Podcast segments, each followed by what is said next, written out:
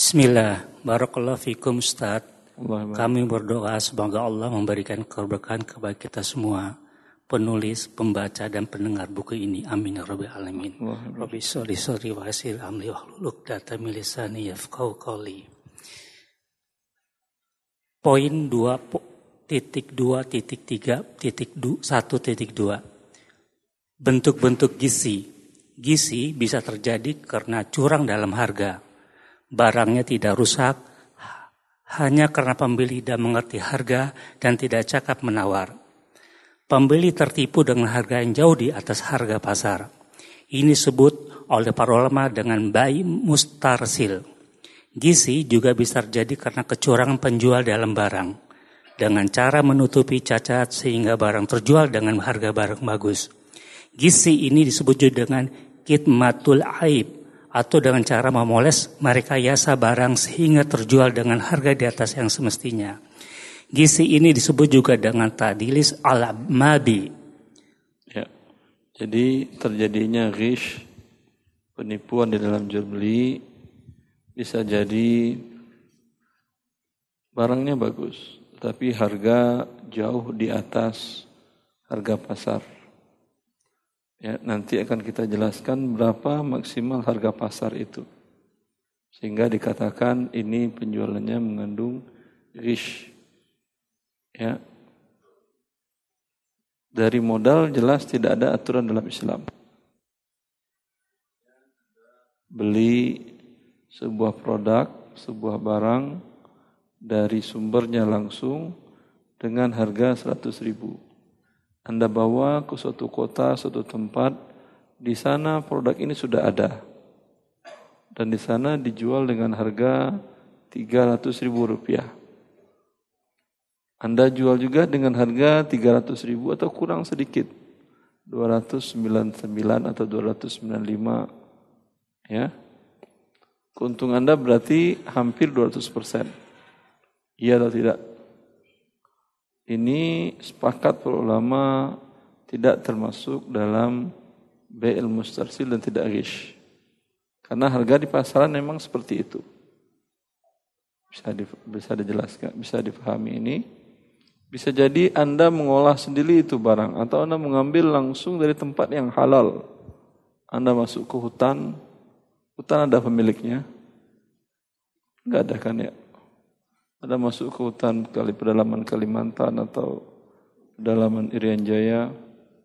Anda alhamdulillah dapat kayu gaharu. Kayu gaharu itu per kilonya bisa 1000 dolar US. Dapat Anda 30 kilo, Alhamdulillah. Kayu kan berat, akhi.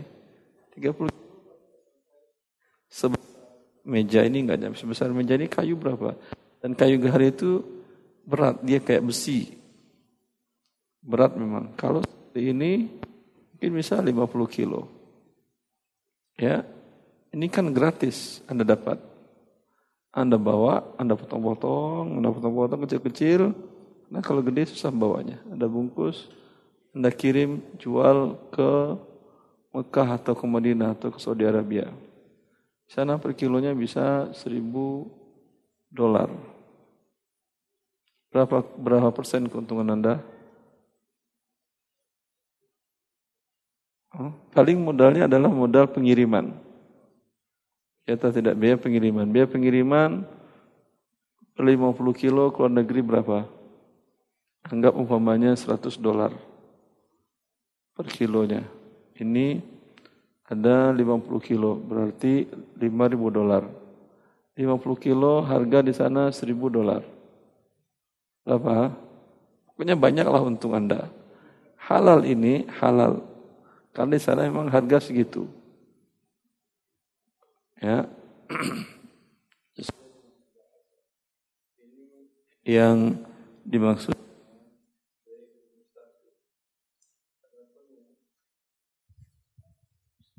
sering eh udah gak apa-apa. Kayaknya ada kabelnya bermasalah ini. Bisa jadi memang barangnya ada cacat, lalu disembunyikan. Tidak disampaikan bahwa ini pernah ada cacat seperti ini. Dan dijual dengan harga normal. Normal barang nggak cacat. Ya, berarti ini si pembeli tertipu atau tidak? Tertipu karena kalau dia tahu cacat dia tidak mau dengan harga yang tidak cacat tentunya. Ya, ini namanya kitmanul aib menyembunyikan cacat. Yang dalam hal ini Rasulullah mengatakan fa in sadaqa wa bayyana burika lahuma fi bai'ihima jika pembeli dan pedagang jujur dan menjelaskan kalau jujur itu ditanya anda ditanya umpamanya ini mobil sudah kilometernya nggak pernah dirubah-rubah kan ini nggak dimain-mainkan ini. Enggak anda jawab ini namanya sodako jujur. Kalau bayana kata Rasulullah fa in sadaqa wa bayana jika dia jujur dan menjelaskan. Menjelaskan itu dia yang menyampaikan walaupun tidak ditanya. Ini bedakan ya? Dia sampaikan ini mohon maaf Pak. Kilometernya sempat berhenti dalam beberapa waktu. Mungkin ada masalah digital atau masalah teknik te, elektrik elektrik atau segala macam sempat mati berapa waktu. Jadi kilometernya sekarang umpamanya eh, seratus ribu ini mungkin sebetulnya lebih. Karena sempat mati tapi alhamdulillah kemudian jalan lagi dan saya tidak ngerti. Karena saya umpamanya eh, dalam apa namanya maintenance perawatan berkala, maintenance berkala pada perawatan kesekian ratus ribu sempat mati kemudian nyala lagi sekarang di perawatan kesekian. Ya, ini walaupun dia tidak nanya, saya nggak nanya kok kata dia, ya nggak nanya nggak apa-apa, tapi kewajiban anda menyampaikan hal-hal yang menurut anda bisa merubah harga. Dia nggak nanya, dia sampaikan aja. Ini mesinnya pernah begini, pernah begini, ya Anda sampaikan. Walaupun dia tidak bertanya. Kalau Anda diam saja, tetap tidak diberkahi dagang Anda. Bisa dipahami ini? Pemanya petani. Petani kan ada beberapa jenis pupuk atau mungkin bisa berdampak kepada?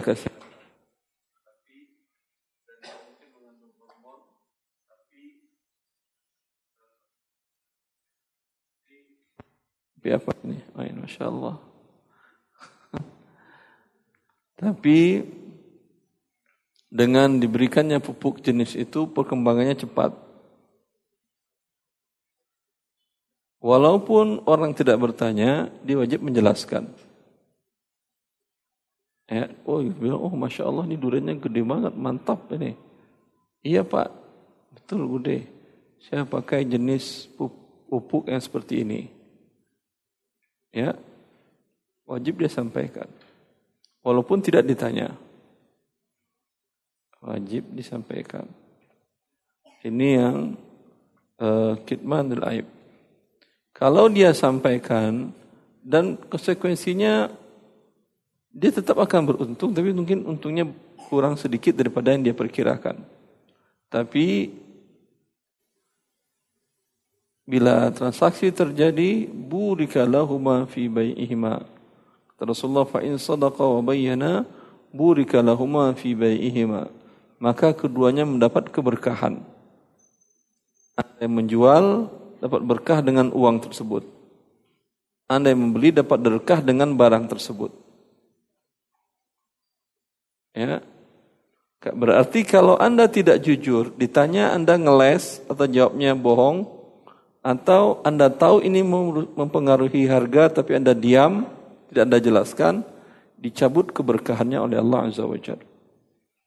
Memang Anda dapat rupiah, dapat rupiah mungkin dari penjualan rumah tadi sekian, ya, tapi Anda tidak tahu pengeluaran Anda mungkin lebih besar dari itu. Anak-anak atau istri Anda tahu sakit, biayanya 10 kali lipat dari pendapatan tadi. Ini bentuknya dicabut keberkahan oleh Allah Azza wa Jal. Dan kita tidak tahu ini. Ya. Ini yang kitmanu al-aib. Yang ketiga, bentuk gish yang ketiga adalah tadlisul mabi' Sengaja lampunya digelapkan sedikit sehingga tidak kelihatan bentuk asli barang-barangnya. Atau bentuk barangnya direkayasa sehingga harganya sepertinya barangnya lebih cakep dari yang tampak seharusnya. Sampai, sampai Anda bawa di rumah, lah kok nggak sama dengan saya lihat di toko tadi ya? Apalagi Anda lihat siang. Lah, saya pikir begini, kok begini jadinya? Ini bagian daripada tadlis. Yang ini juga diharamkan dalam Islam termasuk bagian menipu. Ya, anda berikan lampu, tidak ada masalah. Tapi yang Anda tahu lampu ini bisa merubah warnanya menjadi begini, ini tidak boleh. Kalaupun dalam penampilan seperti itu Anda katakan, wajib Anda sampaikan. Pak, lihat lagi warnanya segala macam, lihat ke sana ke tempat yang lebih terang. Kami sengaja bikin begini untuk menarik orang. Tapi ketika pembeli kami sampaikan, ini mungkin penampilan di apa namanya di etalase sama daminya mungkin tidak sama persis dengan aslinya.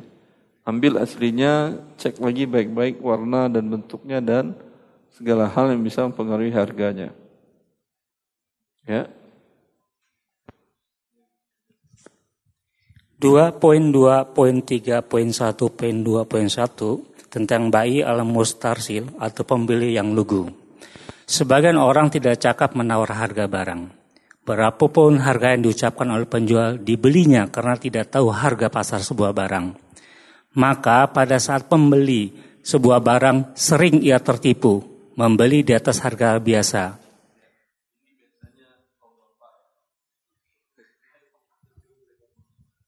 Kau ibu Masya Allah. Udah murah biasanya nawar lagi, nawar lagi. Seneng aja lihat orang tersiksa. Pak biasanya nggak tegaan. Dibilang segitu aja udah, oh ini murah dibeli. Ya, ini mustarsil namanya. Terlalu gampang tertipu. Ya. Kalau istrinya nawar malah dia yang marah. Baik, terus.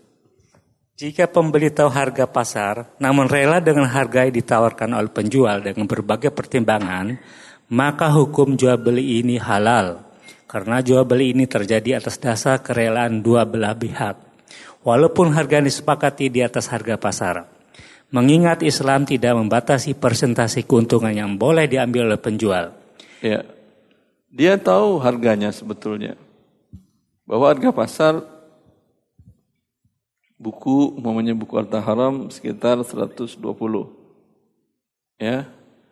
Tapi itu jauh dekat roja umpamanya ke Al-Barkah. Kalau lagi di sana, ya sekarang dia perlunya sekarang. Yang ada dekat dia harganya 130. Ya, dia rela beli. Ini ter, berarti mustarsil namanya. Tertipu dia. Tertipu atau tidak? Tidak.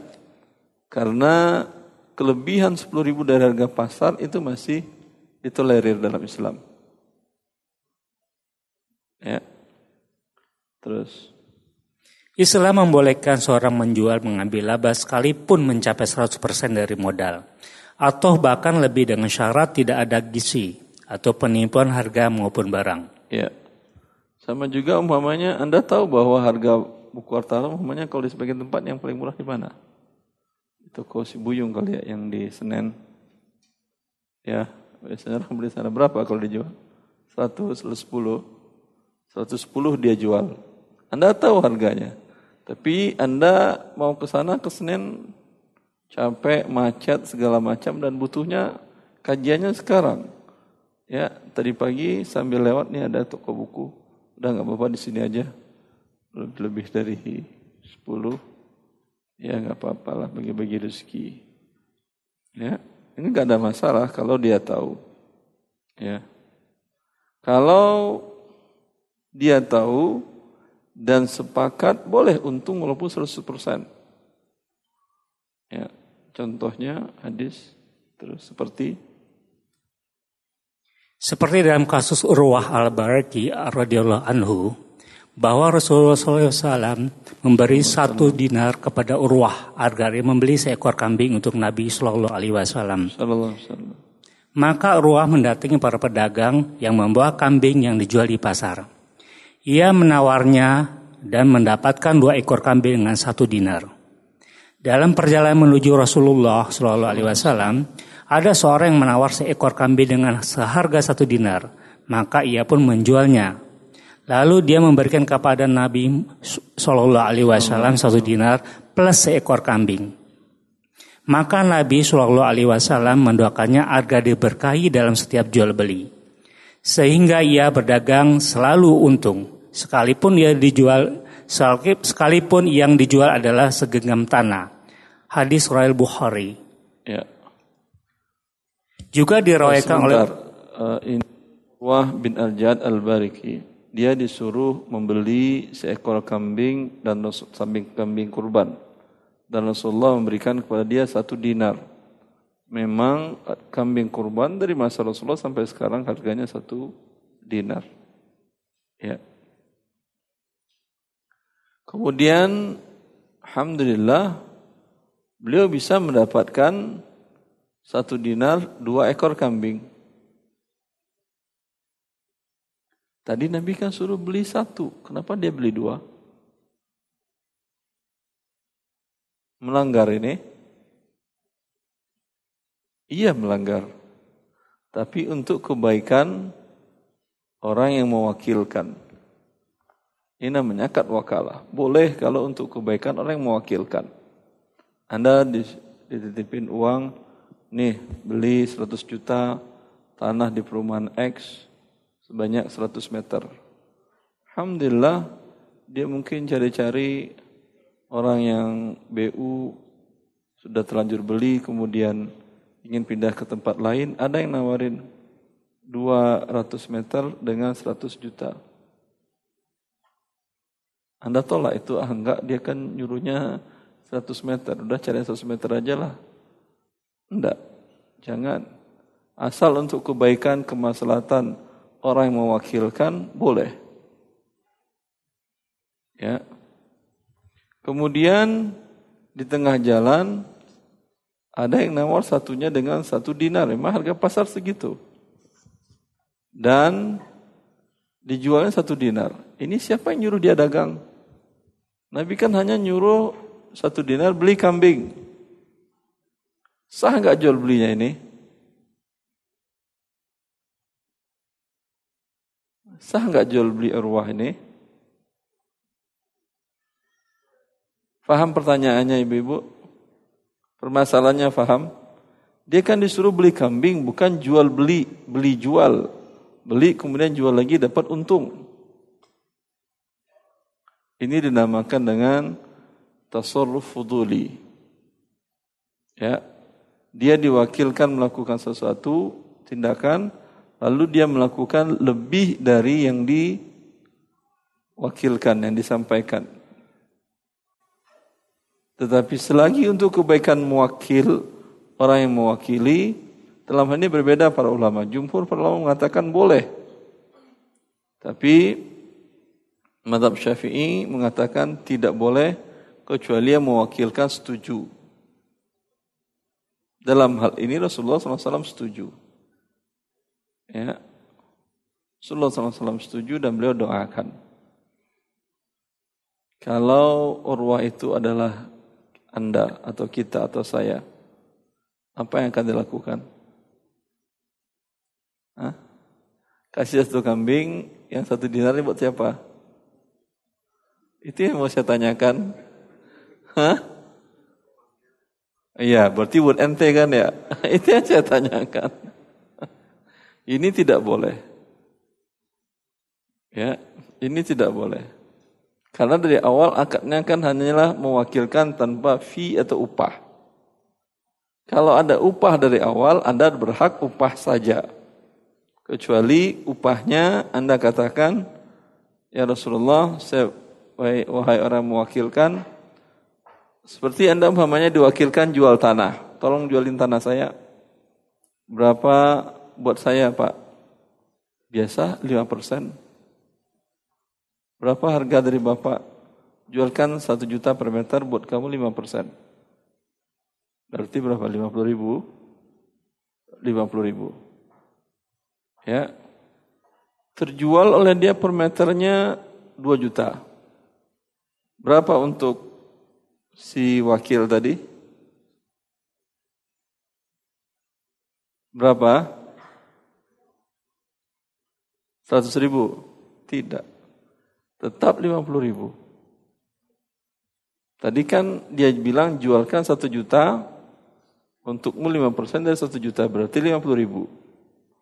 Kalau dia jualkan 2 juta, tetap buat dia 50 ribu, sisanya untuk si pemilik tanah.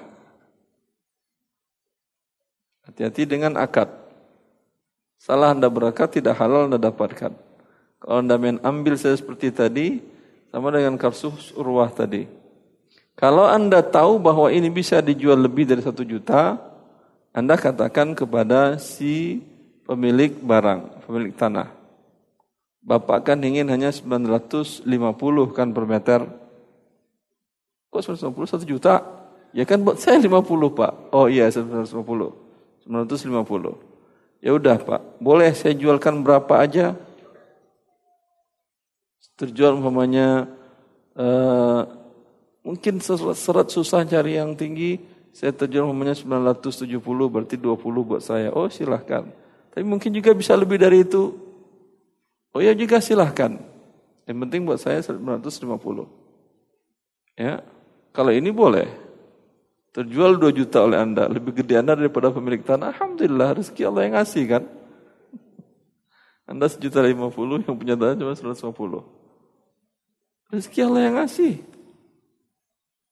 Tapi akadnya jelas. Ya. Juga dirawayakan oleh Bukhari bahwa Zubair bin Afwan radhiyallahu anhu masa hidupnya membeli sebidang tanah di pinggir kota Madinah seharga 170 ribu keping uang emas. Berapa kilo itu? 170 ribu keping kali 425 gram. Berapa kilo emasnya? Berapa? Ngitung aja susah. Mau nggak dikasih segini? Ayo hitung cepat.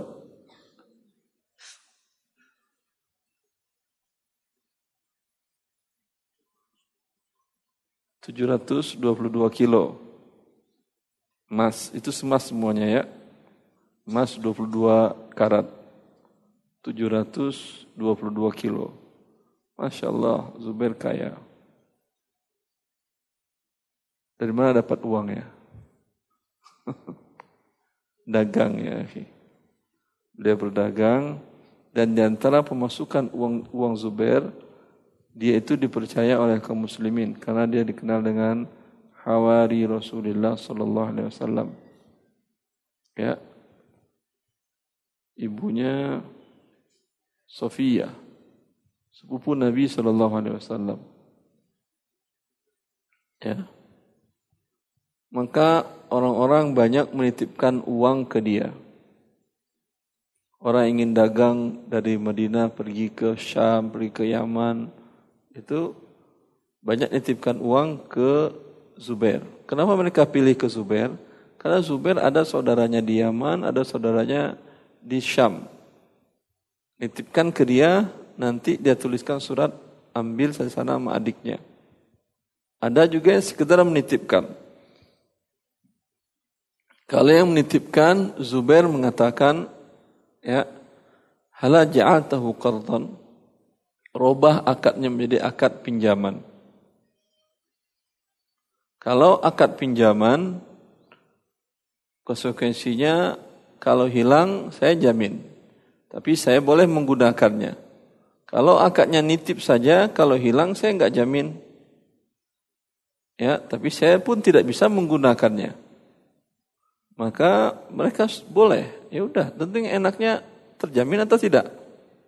Terjamin. Maka uang diputar oleh Zubair, dia beli tanah, beli segala macam.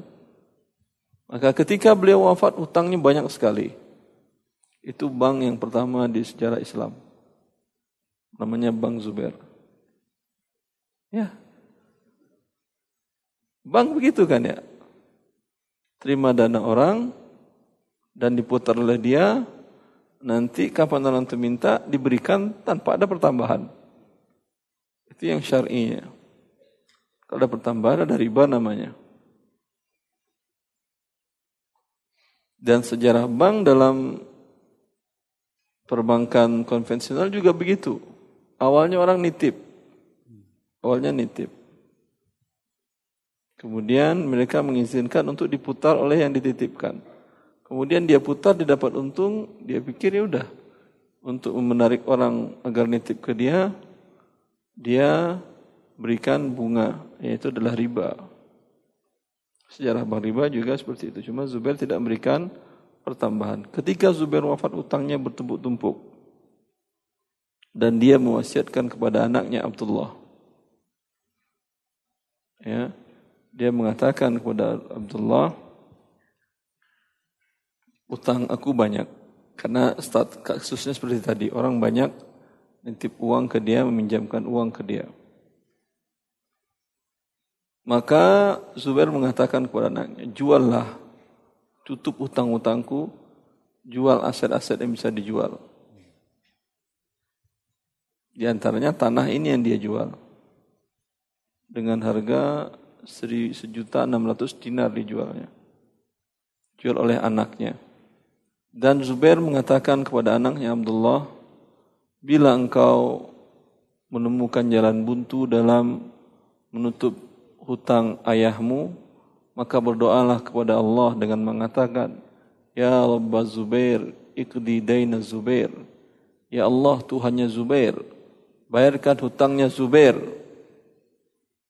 Abdullah mengatakan, anak yang menceritakan, setiap tertutup pintu untuk membayar hutang, aku baca doa tadi dan Allah pun memudahkan penyelesaian hutangnya.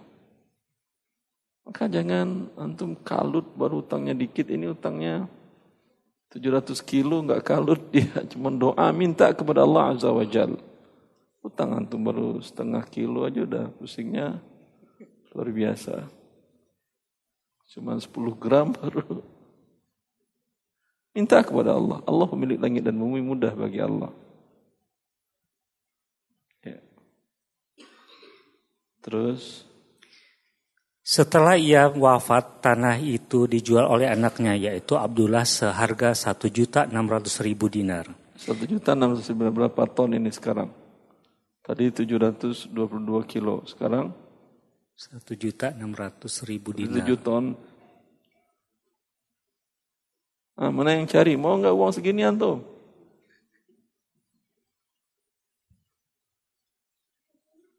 Berapa angkanya? Ton.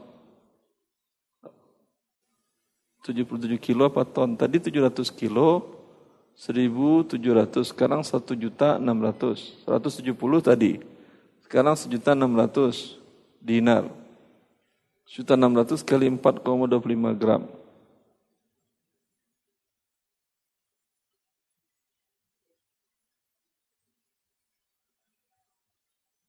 Berapa ibu?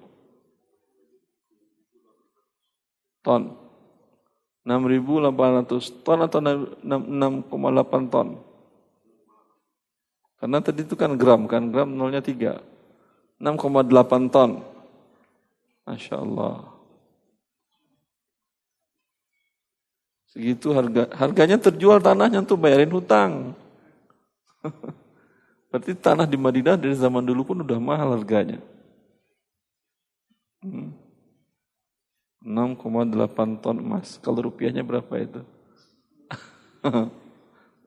Kebayar BBN untuk 25 tahun.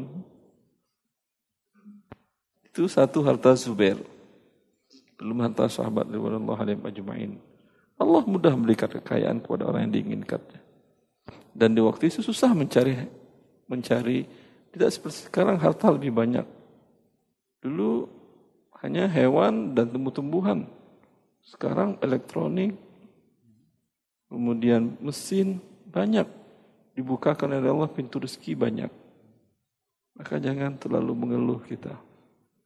Dan di waktu itu pun mereka bisa memiliki kekayaan seperti ini.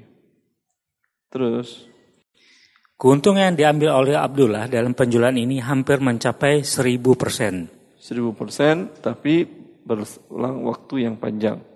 Karena dulu di waktu itu belinya ketika dijual ketika setelah bapaknya wafat. Memang keuntungan yang lebih rendah lebih afdol dan lebih berkah bagi pedagang.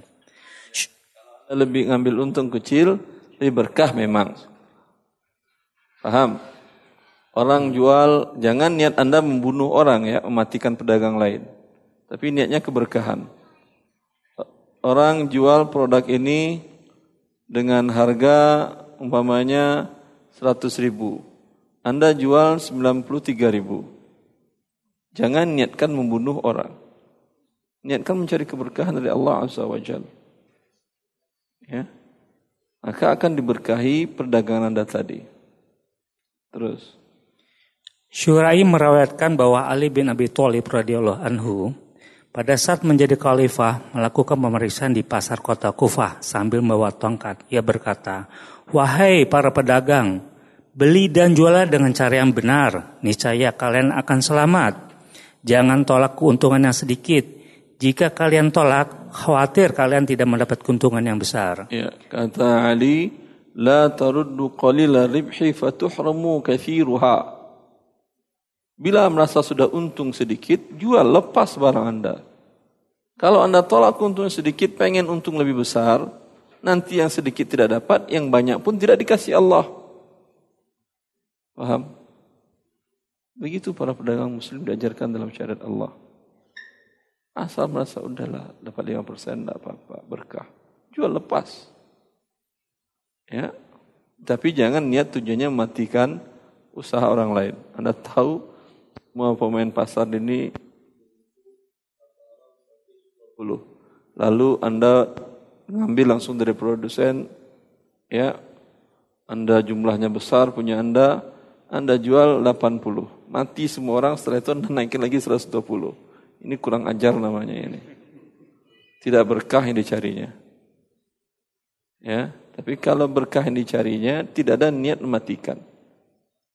Bagaimana tidak dia mematikan? Dia tidak punya barang terlalu banyak. Kalau yang mematikan dikatakan monopoli itu, dia bisa merusak harga pasar karena dia memiliki stok yang banyak.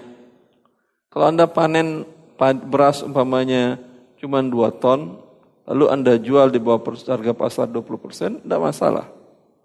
2 ton sehari habis dibeli orang. Tapi kalau Anda punya 500 ton, ia akan mati pedagang beras di Jati Asih, Bekasi ini semuanya. Iya atau tidak? Semua orang pasti beli beras ke Anda. Mati semuanya. Setelah mati, Anda menguasai pasar dan naikin harga, ini dilarang dalam Islam.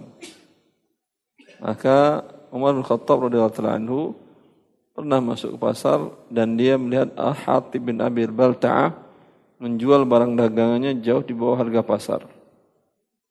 Sebetulnya hak orang mau jual di bawah harga pasar, mau digratisin hak dia juga, ya atau tidak? Anda mengatakan hari ini gratis, silakan datang ke toko saya. Ada yang marah? Tidak. Tapi Umar ingin mengajarkan. Ya, kalau mau gratis jangan di pasar jualnya. Umar mengatakan, irfa atau tarfa anisuk. Angkat hargamu sedikit naik sama dengan yang lain atau di bawah lain sedikit.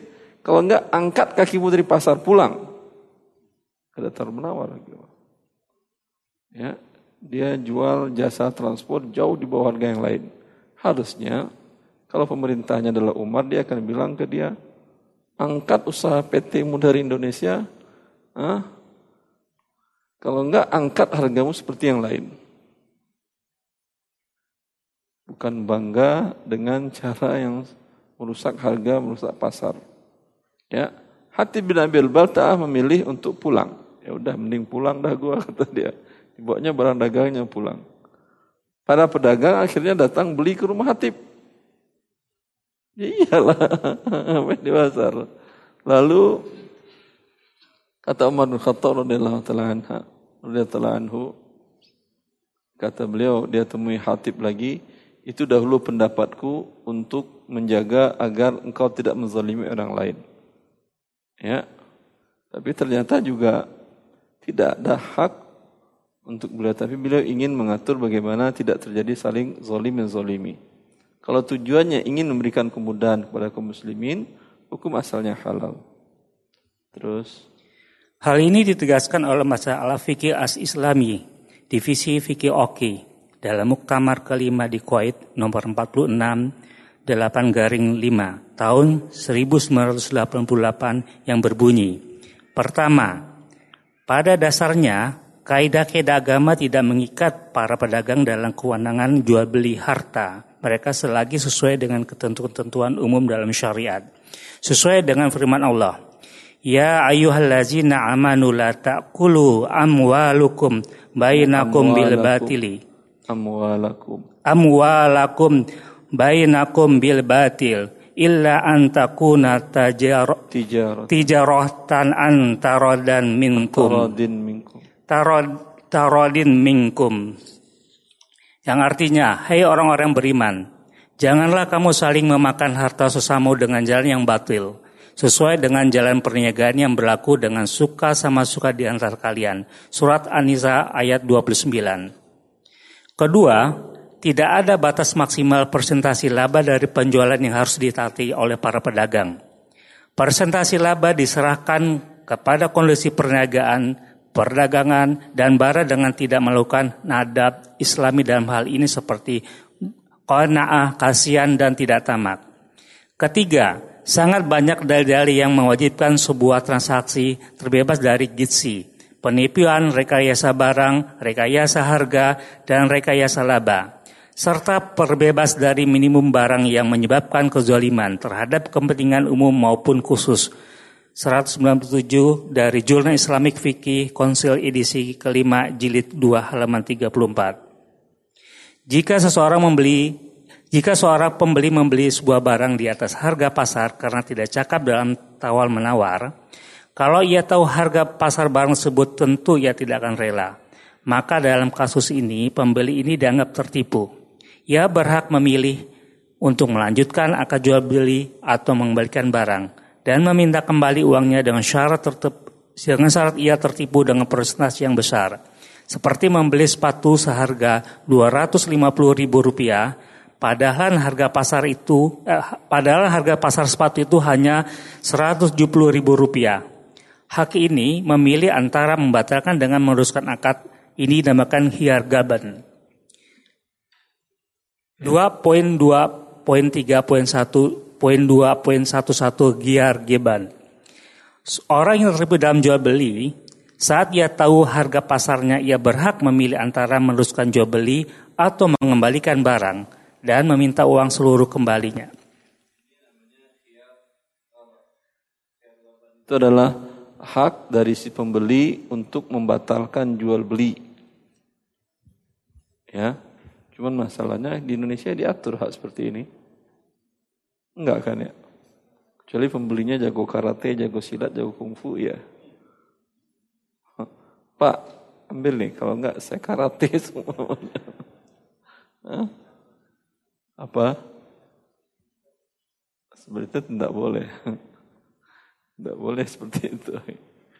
Ya, kalau dalam Islam ketika dikatakan ini hak pembeli, maka hak ini dilindungi dan merupakan kewajiban penegak hukum polisi untuk melakukan hal demikian.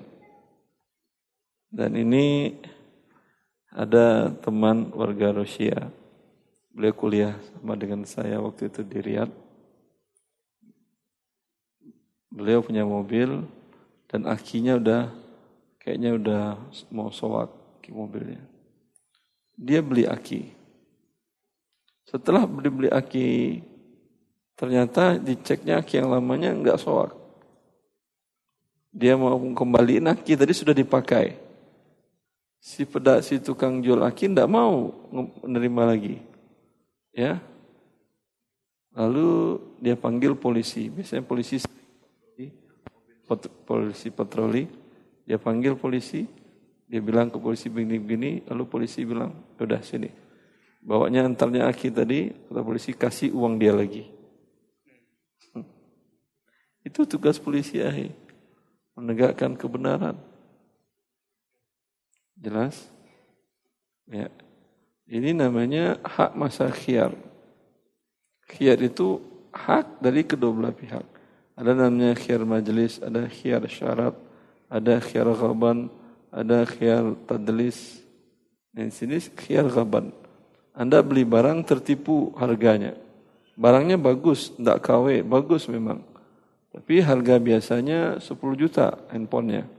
Yang Anda belinya 13 juta. 13 juta setengah. Ya, ini dinamakan tertipu. Sampai buat di rumah pegang-pegang bersama teman-teman. Berapa harganya? Masya Allah, mabruk. Semoga diberkahi handphone baru. Berapa ente beli? Ya 13 setengah lah kata dia. 11 juta ya. Itu harga 10 juta. Hi. Coba tanya di toko sana, toko sini. Coba lihat di, di online. Iya betul, tiga, cuma 10 juta. Berarti dia tipu, tertipu 35 persen. Berhak dia datang ke tempat toko tadi, dia mengatakan, sini uang saya 13 juta, ini handphone kamu. Karena dia tertipu lebih dari harga biasanya. Cuman masalahnya si tukang handphone tidak mau. Kalau tukang handphone tidak mau, kalau di, di negeri Arab tadi ada polisi, ada lagi kalau di pasar namanya ada namanya Syekhul Ma'rad. Syekhul Ma'rad itu Syekh tamat syariah, satu syariah dan Syekh dan tugasnya adalah bila ada pengaduan-pengaduan seperti ini itu tidak perlu harus ke pengadilan. Anda cuma kasus 13 juta ke pengadilan datang ke pengadilannya udah macet bernunggu berhari-hari nunggu sidang dapat lebih mahal dari 13 juta. Ya, di sini langsung datang ke itu dia sampaikan, Syekh, saya beli begini-begini. Kalau Syekh itu melihat ada pelanggaran kecurangan, Syekh yang manggil si telepon tokonya. Datang ke situ, bayar sekarang. Kalau tidak tutup tokomu. Syekh akan perintahkan polisi ya untuk menutup toko itu, disegel. Enak kalau hidup begitu kan ya? Kayak hidup begini juga enak, akhir. enak bagi yang menipu kita. Bagi yang tertipu tentu enak. Itu aturan dalam agama Allah. Jadi antum ketika orang berbicara syariat Islam, jangan pikirkan potong tangan, potong apa lagi. Orang berpikir itu cara berpikirnya penjahat. Nanti ada syariat Islam, nanti tangan dipotong. Berarti Anda berarti tukang maling. Nanti ada pelaku syariat Islam kita dirajam. Berarti anda tukang zina. Ya, nanti kita potong leher kita, leher kita dipotong berarti ada pembunuh di kisos. Ya. Ya. Makin banyak orang-orang yang jahat tentu tidak mau dia syariat Islam. Tapi ini kan ini tidak ada penipuan. Ya, bukannya sekedar lembaga pengaduan konsumen apa namanya kalau perlindungan yayasan lembaga dia melindungi konsumen. Maksud melindungi itu apa? Kalau Anda terzolimi bisa mendapat hak Anda begitu? Ya.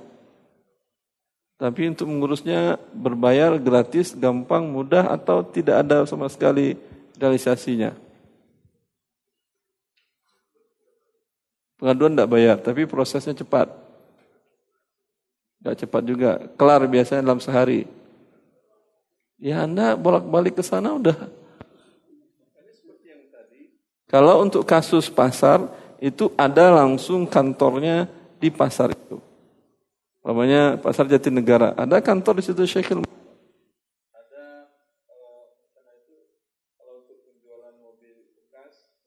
Harat bin Qasim pasar besar biasanya tiga Itu tanah, ada tanah kosong. Kalau Anda mau jual mobil, bawa aja ke sana, mobil bekas. Bawa ke sana, nanti dat sore bisa habis asal sampai maghrib, Anda muter, nanti jual. Jualnya kemarin.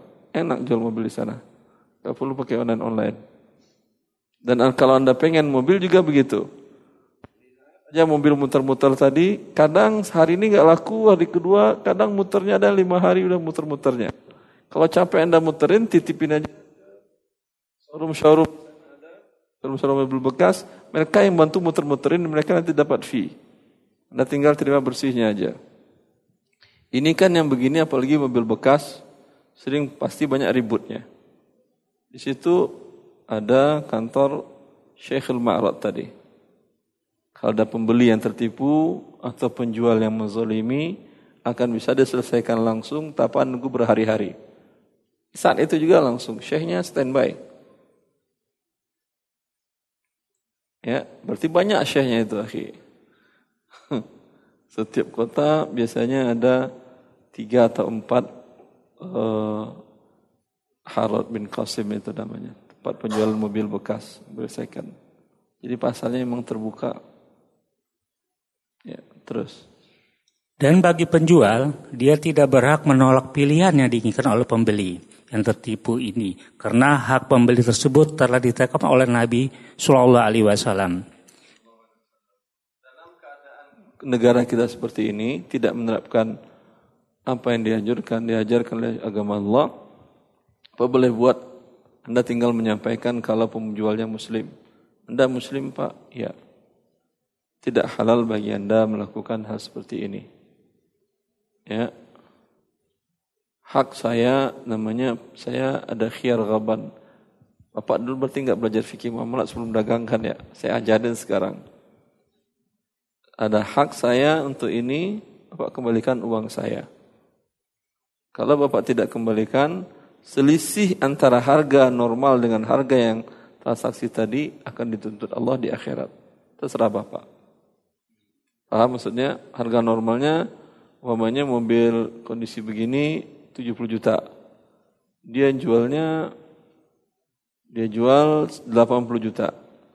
Berarti tertipu kan sebanyak lebih dari 30 persen itu. Anggap dia jual 90 juta. Ah, belum lagi, 100 juta anggap dia jual dari 30 persen. Ya. Kita bagi bapak halal, yang 30 jutanya haram. Karena saya tertipu dalam harga. Kalau tidak bapak kembali Akhirat Bapak akan cari saya. Itu bukan harga pasar kalau kondisi lebih bagus. Harga pasar untuk kondisi yang seperti ini. Bisa difahami? Ya udah nanti aja saya bayar di akhirat. Kata si Ya udah terus dia jelas dia muslim udah panjang pendek untuk saya hanya mengingatkan Pak daripada kasihan Bapak nanti di akhirat nyari saya. Tayo. Terus? Diriwayatkan oleh Ibnu Umar radhiyallahu anhu bahwa ada seorang sahabat mengadu kepada Nabi Shallallahu alaihi wasallam. Ia sering tertipu berjual beli maka Nabi Shallallahu alaihi wasallam bersabda bila engkau membeli ucapkanlah tidak boleh menipu kemudian barang yang telah dibeli boleh dikembalikan selama tiga hari jika engkau rela tahan barangnya jangan dikembalikan. Dan jika engkau tidak rela barang dapat engkau kembalikan kepada penjualnya. Hadis riwayat Ibnu Majah. Hadis ini dinyatakan Hasan oleh Albani. Jatuh dari untanya dalam sebuah sehingga ada gangguan saraf.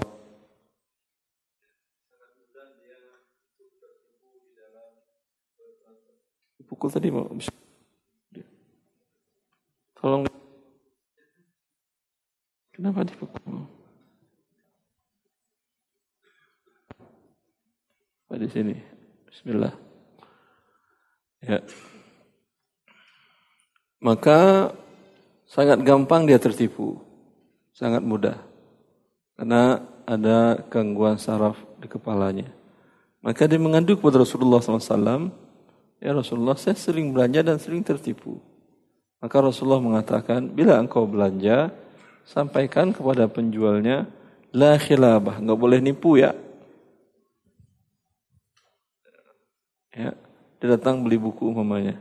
Ah, buku harta haram, 200 ribu rupiah. Terima kasih Pak Ustadz, ini uang. Atau dia tanya teman-teman, wah itu mah 110, 120 lah segitu pasarannya. Kalau yang murah ada lagi di Senen tapi harganya 100, 105 umpamanya. Wah, berarti saya setipu. Ya, kata Rasulullah, kamu berhak dalam waktu tiga hari, kalau kamu merasa 70 ribu, 80 ribu saya tertipu banyak banget. Udahlah saya batalin aja. Boleh. Ya, dalam waktu tiga hari tadi. Kalau dia merasa nyaman, tertipunya mungkin orang beli 120, dia beli 135. Kan nggak terlalu banyak kan tertipunya dia. Dia ya udah. Dia berarti jual belinya sah. Kalau dia tidak mengembalikannya. Ya. Terus 2.2.3.1.2.1.2 Berapakah persentase harga barang yang dianggap tertipu? Ya, berapa yang dianggap tertipu? Ini bagi pembeli. Kalau bagi penjual, berapa Anda boleh menaikkan harga barang lebih dari harga pasar? Harga pasar tentu waktu dan tempat maksudnya. Anda di sekitar Jati Asih dengan harga di, Beka, di Bekasi kota, dengan harga di Jakarta, dengan harga di Bandung itu bukan harga pasar. Harga pasar untuk di sini. Waktu juga mempengaruhi.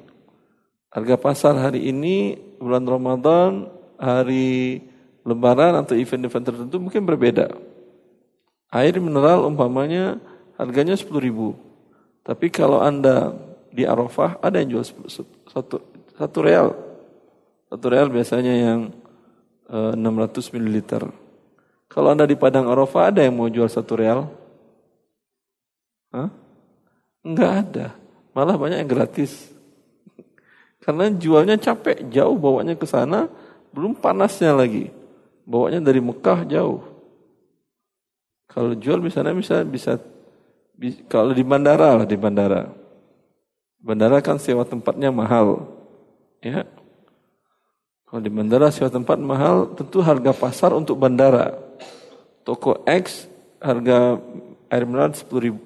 Kalau di luaran 10 ribu. Di bandara toko X 15, tapi yang toko ini 25. Ini jelas Anda tertipu. Bisa dipahami maksudnya ini? Harga pasar itu bisa dipahami. Di mana Anda berada itu akan mempengaruhi harga. Kalau Anda di padang pasir, mungkin bisa harganya satu ton emas. Oh, Harun al-Rashid ketika diingatkan oleh salah seorang ulama salaf, dia mengatakan, Wahai Khalifah, bila engkau sedang berada di tengah padang pasir, kehausan, dan engkau dalam keadaan yang sangat mengenaskan, mengkhawatirkan. Dan ada orang mempunyai air satu gelas, tapi dia mau jual dengan kamu dengan seluruh kerajaan dan kekuasaan dan harta yang kau miliki. Maukah engkau tukar? Dia jawab tentu mau. Daripada saya mati. Ya. Kemudian tertahan air yang kau minum tadi di dalam perutmu. Enggak bisa keluar. Kecuali dengan harus engkau jual tadi maaf tadi dia bilang setengah dari kerajaanmu. Engkau jual dengan setengah kerajaanmu lagi untuk mengeluarkan air yang tertahan tadi. Maukah engkau jual setengahnya? Mau kata dia. Lihat nilai kerajaanmu hanya segelas air masuk dan keluar. Ya, artinya nilai pasar dalam sebuah kondisi akan berbeda.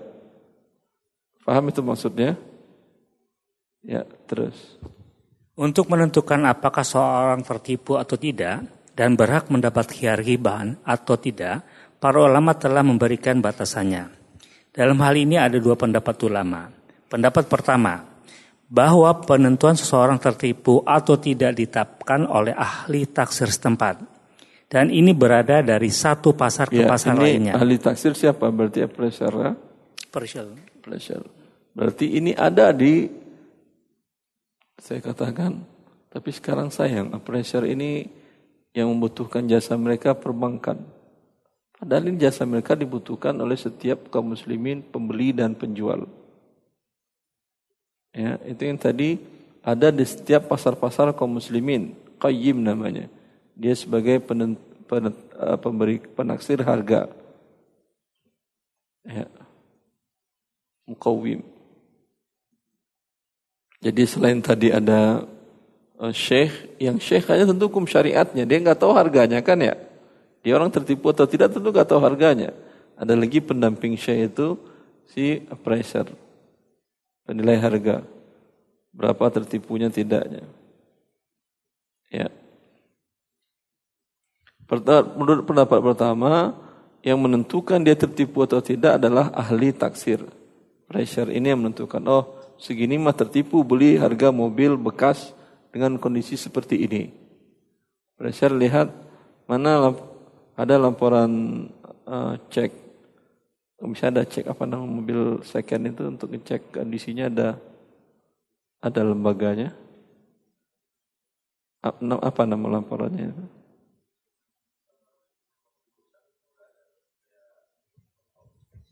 Oh iya, auto inspection itu. Enggak yang independen nggak ada di Indonesia? Nggak ada ya? Harusnya ada sih. Enggak, beliau beliau oleh maka saya tanyakan. Enggak kalau di Arab Saudi itu di Harad bin Qasim tadi di 5 hektar tanah Anda muter-muter tadi ada di sana uh, untuk inspeksi mobil kondisinya apa. Dia keluarkan laporan lengkap umpamanya ini pernah tabrakan, ini ada kemiringan ini, ini ada cat rusak atau ada lengkap. Dan kemudian ada setelah laporan ini ada penentuan dari pihak penentu harga ini perkiraan sekian. Yang independen ini kita nggak ada. Independen, independen. Yang tidak ada keberpihakan memang bukan milik showroom, dia bebas. Anda bayar ke dia 150 real. Dengan ini Anda gampang jual mobilnya. Paham enggak? Ya. Enggak sebentar saya gambarkan dulu. Ini saya mau jual mobil saya atau saya mau beli mobil bekas. Ya, saya katakan kepada pemilik mobil, saya enggak mau beli mobil kamu sebelum kita datang ke inspeksi mobil ini. Akan dicek dia dari awal sampai akhirnya dengan laporan komputerisasinya lengkap dan dia pun menentukan harga berkisar antara sekian. Ya, dengan ini saya enggak, enggak tertipu jadinya kan ya. Ya, dan si penjual juga nggak tertipu. Siapa tahu harganya bagus, tapi karena dia nggak ngerti, ya dia jual dengan harga sebagaimana orang lain dengar begitu. Ya, Taib. Terus. Dan ini berbeda dari satu pasar ke pasar lainnya, dari ya. satu waktu dengan waktu lainnya. Ya. Ahli taksir ini yang menentukan apakah pembeli dianggap tertipu atau tidak. Jika dia jika dia menganggap pembeli tertipu, maka pembeli berhak mendapat hak hiar. Hiar jika, apa tadi namanya? Hiar apa namanya tadi? Hiar gaban. Gaban ya, tertipu harga. Jika dia menang, menganggapi bahwa harga barang wajar, maka pembeli tidak berhak mengembalikan barang. Ya. Pada masa Khalifah Utsmaniyah Turki, ditetapkan batas yang dianggap tertipu untuk tanah dan rumah maksimal 20% persen lebih besar dari harga pasar. Ya, harga pasar per meter di Jati Asih tanah umpamanya 1 juta. Dia jualnya sejuta berapa? 250. Kecuali dia sampaikan. Kata dia, Afwan, memang di, di NJOP di sekitar sini sejuta per meter. Tapi Anda lihatlah tanah saya ini, ya kondisinya menurut saya pantas lebih. Dan pun saya pengen jual lebih mahal dikit. Saya jual per meter sejuta dua ratus lima puluh. Si pembeli kata bilang, oh ini ya betul enak ini kondisi tanahnya dan rumah dan, dan ininya mantap lah. Ya saya tidak apa-apa. Berarti tertipu nggak pembeli? Tidak, nggak apa-apa. Berarti boleh saling redo. Terus. Untuk hewan ternak maksimal 10% lebih besar dari harga pasar. Ya, 10% lebih besar dari harga pasar baru tertipu dia. Lebih kecil ya. Tadi untuk tanah 20%. Kalau dia jual per meter 1 juta, dia jual 1 juta 100, ada nggak khiar gaban? Tidak. Kalau hewan, hewannya per ekor 2 juta, dijualnya 2 juta 250. Ada akhir kapan? Iya. Karena kalau hewan berapa tadi cuma? 10 persen ya. Terus. Untuk barang harian maksimal 5 persen lebih besar dari harga pasar. 5 persen. Barang harian seperti tadi. Gula, sabun, apalagi? Minyak goreng, air mineral, 5% dari harga pasar dianggap tertipu. Tapi lebih di, di harga pasarnya 100 ribu cabai per kilo.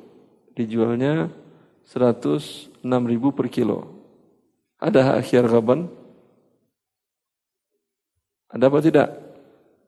Ada, karena ini barang harian. Kalau dijualnya orang jual 100 ribu per kilo, dia jual 103 ada akhir gaban? Tidak ada. Ya. Terus.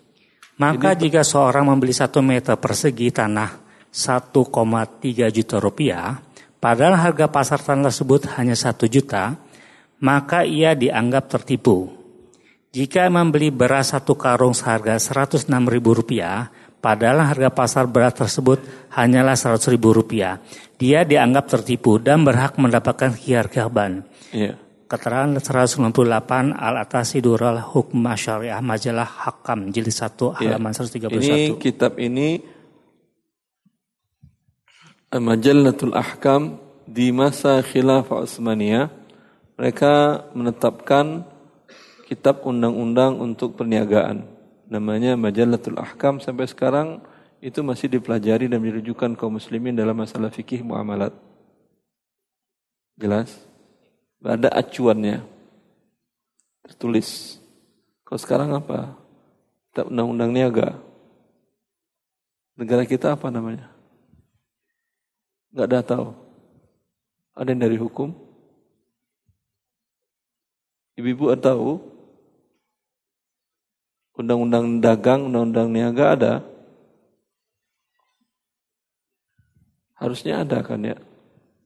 Atau kita semuanya tidak tahu, harusnya ada. Tapi mungkin masih warisan Belanda mungkin. Ya. Kalau ini warisan khilafah Turki Utsmani. Ya, terus. Karena kalau merujuk kepada kita fikih, masing-masing fikih tentu fikih itu memang dibuat oleh para ulama menjadi aturan hukum. Tapi kan fikih itu ada khilaf, ada khilafnya. Maka ditetapkan oleh negara harus seperti ini. Paham? Ini seperti ini kalau dua pendapat. Ya, negara yang menetapkan harus seperti ini. Biar tidak ada lagi khilaf lagi. Jelas? Terus. Pendapat pertama ini didukung oleh para ulama mazhab Hanafi dan Hambali. Pendapat kedua, persentasi minimal seseorang dianggap penipu adalah sepertiga dari harga barang Kurang dari sepertiga lebih mahal dari harga pasar, labanya halal dianggap oleh pedagang dan pembeli tidak berhak hiar kehaban. Ya, berbeda dari sebelumnya ini. Berbeda atau tidak dari sebelumnya? Ini dianggap khiar gaban di atas harga pasar 33 persen. Yang tadi ada 33 persen? Tidak, maksimal 20 persen kan ya? Ya, mana yang ditebegang pendapat ini? Paham? Itu gunanya seperti yang tadi saya katakan e, dibuatkan ya aturannya yang jelas keluar dari khilaf para ulama tadi. Ya, atau para hakim, para pengadilan itu mereka adalah para mujtahid yang bisa menentukan mana yang kuat menurut dia. Anda hidup di akhir zaman kan nggak gitu lagi. Tidak ada para mujtahid lagi yang bisa membuat hukum sendiri lagi. Maka dengan menentukan satu salah satu lebih Jelas. Ya. Karena kalau untuk barang harian, barang harian dia mengambil keuntungan lebih sepertiga baru tertipu, barang biasa 10 ribu. Dia jual ke Anda 12.500. Kalau pendapat kedua dianggap khiar gaban atau tidak?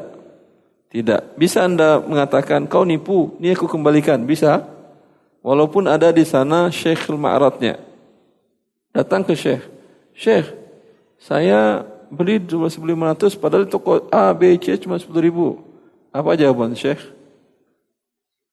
Kata Syekh, memang masih boleh. Itu kan cuma 25 persen. Yang nggak boleh itu di atas 33 persen. Paham? Padahal ini besar atau tidak ini? 25 ribu berarti seperempat kan tertipu. Karena dia barang harian. Wallah terus.